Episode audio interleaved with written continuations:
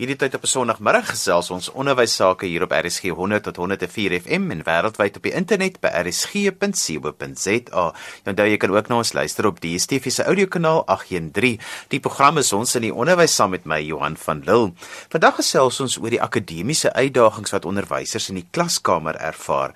My eerste gas is Lize Hatting en sy is van Laerskool Igorist op Wellington. Ek is betrokke by die intermediêre en senior fase. Ek gee kuns en dan Afrikaans en ek is redelik betrokke dan by die kurrikulum van die akademiese sy in die intermediêre en senior fase. Lise, wat is tans vir jou die uitdagendste deel van die akademie in die klaskamer?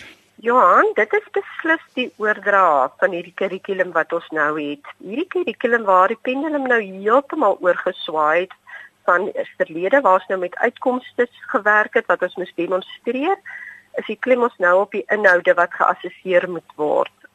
Ons moet nou hierdie pasklaar kurrikulum, hierdie CAPS kurrikulum wat propvol inhoude is, moet ons as opvoeders daagliks aan diverse leerders oordra. In hierdie pasklaar kurrikulum waar die inhoude in twee weekliks siklusse verdeel is, strou nie met ons leerders se verskillende behoeftes nie.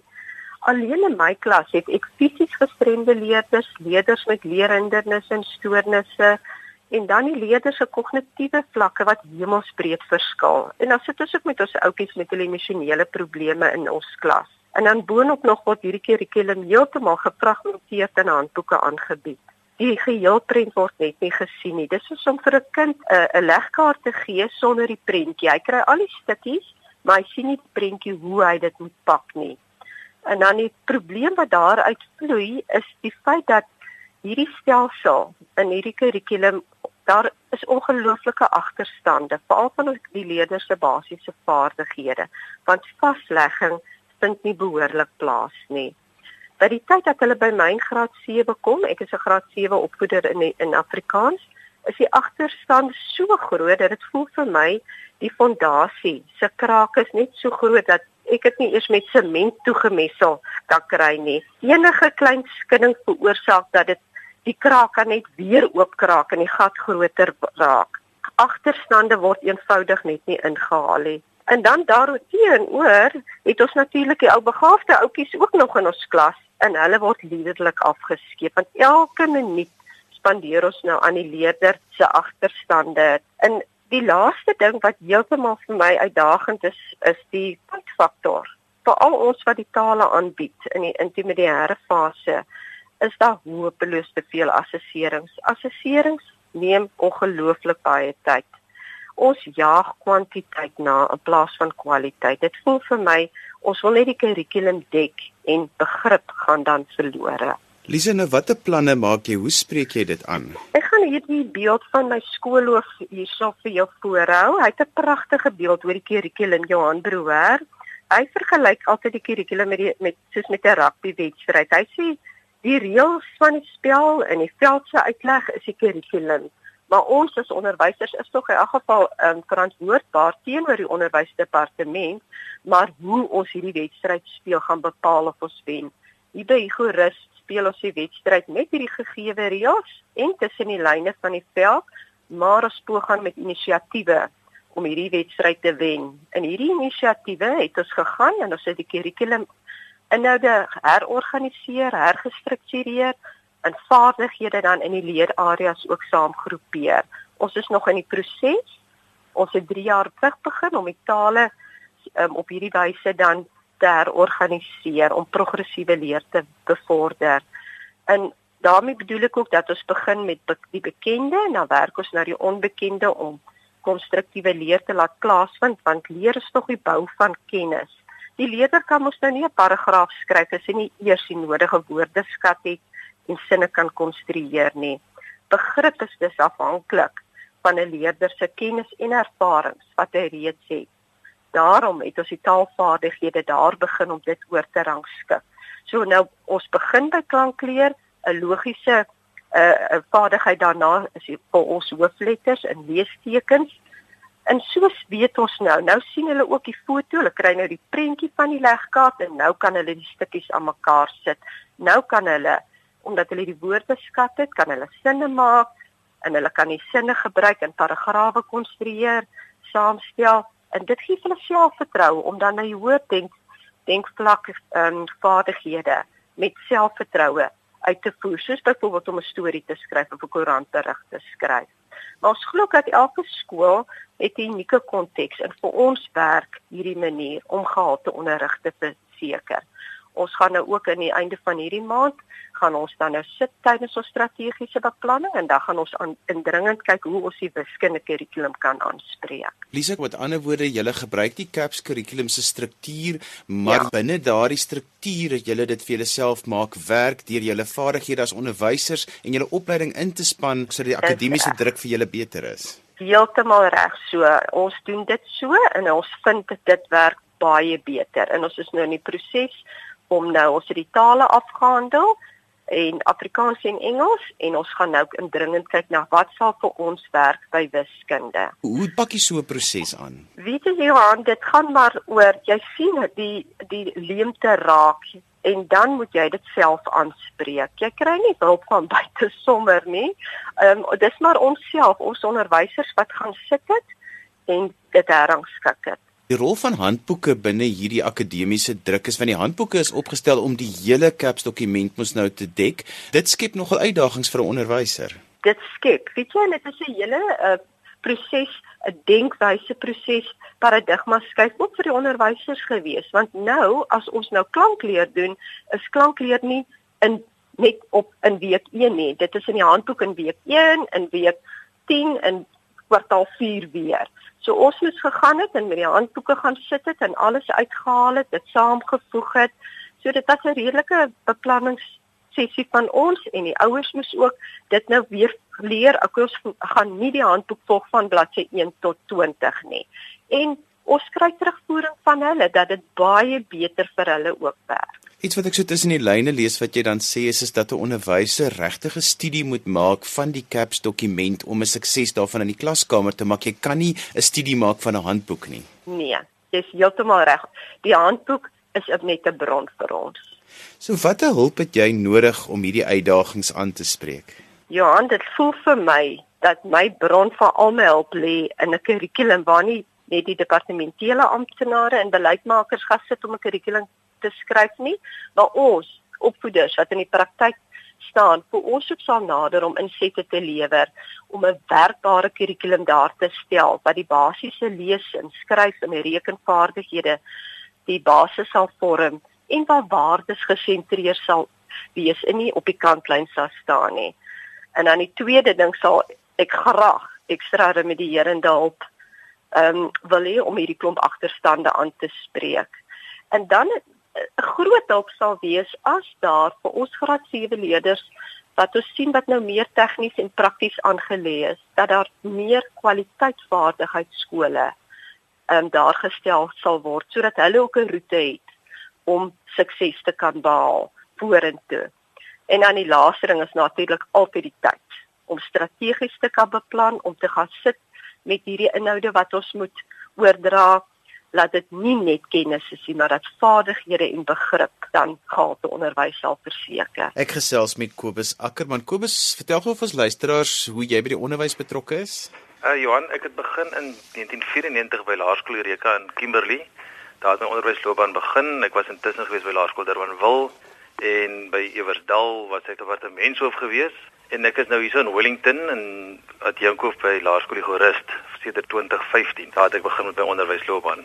Ek gaan nou skool hier so by Laerskool Igorist. Ehm um, by graad 6 gee ek SW en by graad 5 gee ek Engels.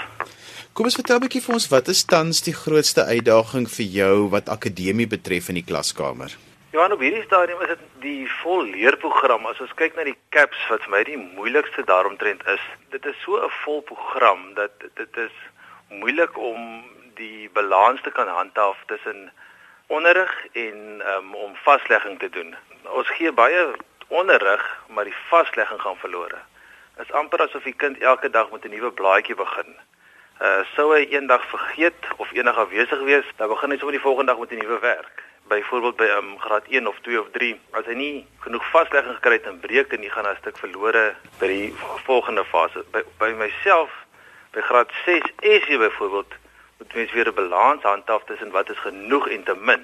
Die ehm um, die inhoudelike werk by graad 6 is heelwat minder en dan moet 'n mens weer gaan um, fokus op vaardighede op hierdie stadium. Nou hoe spreek jy hierdie werkslading wat jy het aan in jou klas? Hoe hanteer jy dit? Die belangrikste is um, om te gaan kyk wat wil jy bereik in daai periode? Wat wil jy doen in daai periode en om die werk genoegsaam te herhaal of te vas te lê in um, by SC byvoorbeeld in graad 6 het ek hierdie jaar heelwat gaan um, klem lê op ehm um, vaardighede. Ek sal byvoorbeeld die handboek gebruik as 'n bron en dan sal ek gaan toepas hoe die kinders studeer en ons sal in die klas sal ons die handboek gebruik om opsommings te maak, vraagstellings te doen, te sien hoe leer mense spesifieke werke, hoe doen mense spesifieke opdragte, hoe beantwoord jy vrae. Gewoonlik het die kinders 'n probleem om 'n vraag te beantwoord. Hulle ken nie die verskil tussen wat is 'n definisie en definieer en beskryf en onderskei en pas blok A by blok B.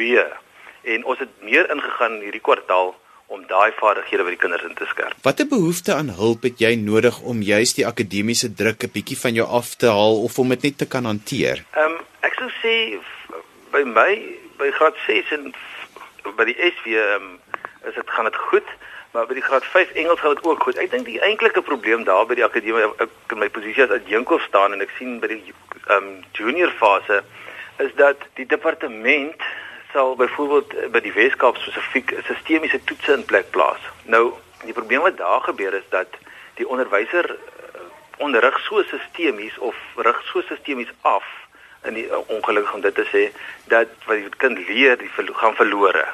En ek sou graag sou wou gehad het veral graad 1 tot 3 dat die dat die departement minder klem lê op die sistemiese toetse. Die sistemiese toetse uh, toets tog die stelsel en dat hulle dit vir kantoor gebruik sal gebruik vir eie gebruik en nie noodwendig dit terugstuur na die skole en die skole daaraan meet nie. Die tweede ding sou ek graag wou gesien het dat byvoorbeeld 'n leerder wat sukkel met Engels in graad 5, oor dat hy elke dag iets nuuts moet leer, hy moet vandag is dit past tense, môre is dit present tense, oormôre is dit future tense, dat ehm um, mens meer leerondersteuner uh, onderwysers in die stelsel kon kon gehad het en dit sou dit die plig makliker of die werk makliker gemaak het vir wat ons op hierdie stadium doen. En so gesels Kobus Ackermann en hy is die adjunkhoof by Laerskool Igorist op Wellington. Die program is ons in die onderwys saam met my Johan van Lille.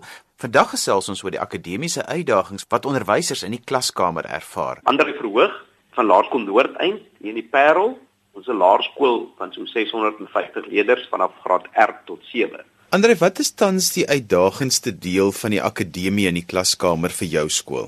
Die uitdagendste deel op die stadium vir ons met die ehm um, kurrikulum is die departement verwag dat ons sekere uitkomste moet bereik en dat ons sekere inhoude moet dek en ehm um, die Engelsmense praat van 'n coverage.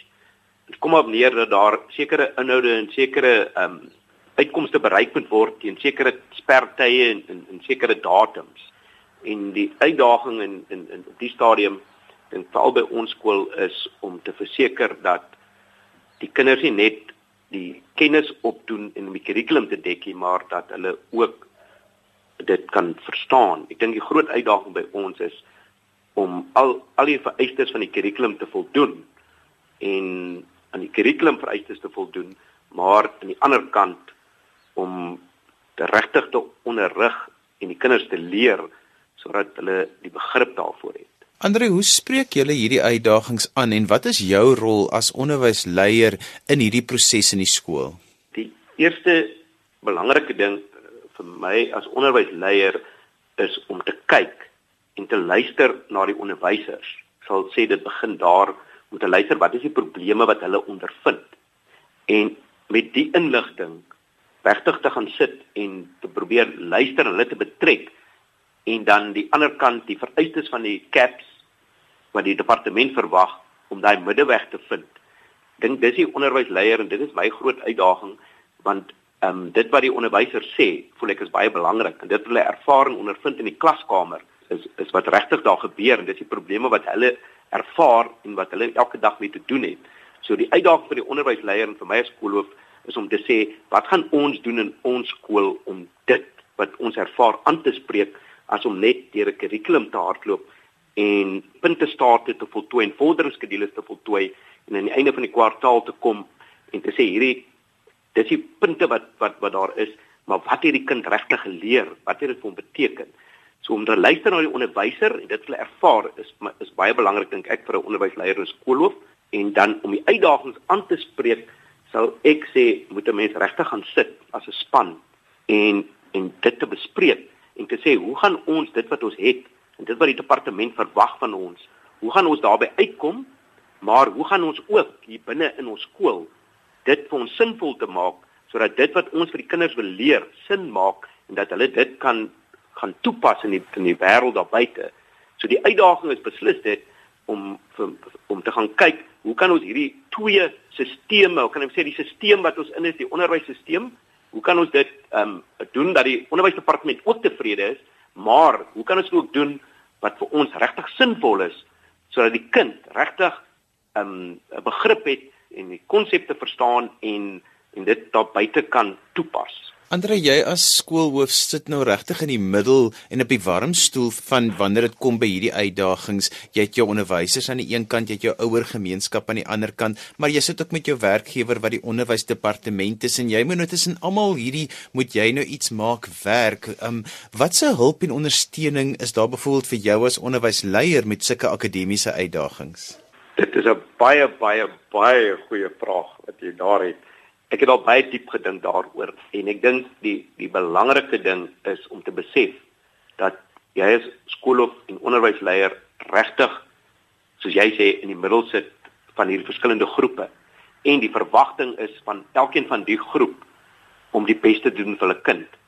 So, die eerste plek sal jy dink ek moet 'n mens as onderwysleier regtig ehm um, weet wat die departement verwag en waar kan jy binne hierdie departementele vereistes wel 'n bietjie ehm um, Engelsman praat van leniency waar jy bietjie wel kan 'n bietjie sê maar herverpak of iets verander sodat dit nie buite die onderwysstelsel val nie. So jy moet hulle tevrede stel. Dan kom dit daarop neer, dan moet jy hier binne wat sin maak met die kurrikulum, moet jy herverpak en bou sodat dit vir jou as as as onderwysers sin maak, maar ook om die ouer gemeenskap in te lig.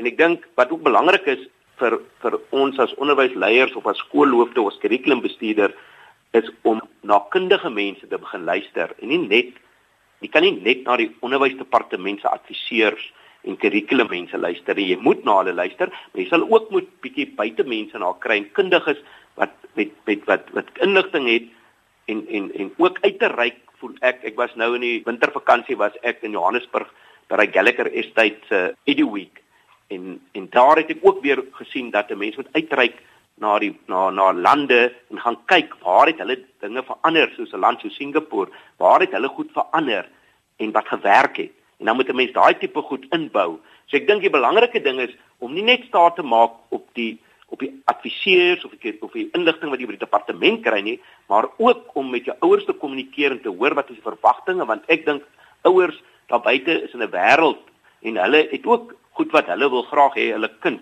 Vat my eie kinders, ek wil graag wil hê hulle moet weet hoe om buite um, te funksioneer en daar buite te die dinge te kan hanteer. So jy moet luister voel ek na jy kan nie net luister na een, jy moet luister na 'n klomp kundigheid en dan moet jy al hierdie kundigheid kommunikeer en dit moet bymekaar gesit word en ek dink dan moet daar iets ehm um, verander. Ek glo daar moet daar moet dit kan nie dit kan nie een rigting loop nie. Daar moet 'n klomp um, mense geken word en dan moet daar gekyk word wat is die beste op die stadium vir ons kind van vandag. Andre, as jy vir jou onderwysers moet inpraat want hulle kry swaar op hierdie oomblik omdat hulle juis so onder druk is in die klaskamer om deur die akademiese program te kom, wat sê jy vir hulle? Goed, dit is een van die grootste uitdagings.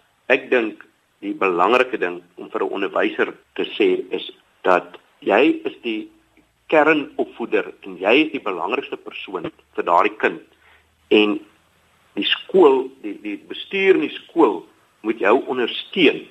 Die ondersteuning vir die onderwyser moet daar wees. En ek dink die ander belangrike ding is die onderwysers moet vandag al hoe meer die vaardighede en die inligting gegee word om in vandag se tyd die onderrig en die leer te hanteer op die vlak van die digitale area.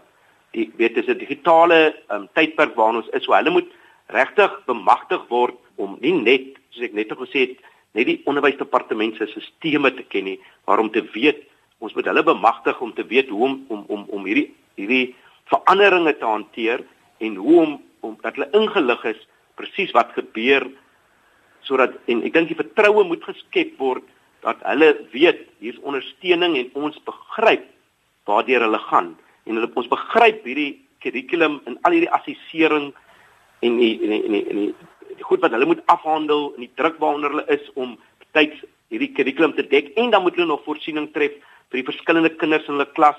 Dis kom ek sê daar's baie meer ondersteuning nodig vir die onderwyser vandag dat hulle en, en daar's baie opleiding nodig en daar's baie inligting wat gedeel moet word met hulle sodat hulle sterk voel en sterk kan staan en voel hulle word ondersteun. Ek dink die belangrike ding, hulle moet voel dat dit wat hulle ondervind, die probleme wat hulle ondervind, moet hulle kan voel daar word daarna aan aandag gegee. Voel ek dis amper die belangrikste ding want hulle ervaar al hierdie dinge en ek dink nie daar word regtig na hulle geluister nie. Ek is betrokke by by skole waar ek help en as ek met die onderwysers daar praat, dan kom ek agter nee, dit gaan net oor die uitkomste en oor die sistemiese evaluering en oor die punte en die vorderingsskedules en dit gaan nie regtig om te luister wat sê die onderwyser ondervind hy die maatskaplike probleme, die die die kindsomstandighede. Daai tipe goed moet ook vir die onderwyser ondersteuning gebied word as om net te sê luister um, die punte moet reg wees nie. En so gesels meneer Andre Verhoog en hy is die skoolhoof by Laerskool Noordeind in die Parel. Vandag het ons gesels oor die akademiese uitdagings wat onderwysers in die klaskamer ervaar. Dankie aan Dr. Yuri Rubert wat ons gehelp het met die navorsing vir vandag se program. Onthou ek weer na vandag se program luister as 'n potgooi, laat dit af by rsg.co.za. daarmee groet ek dan vir vandag tot volgende Sondag van my Johan van Lille. Totsiens.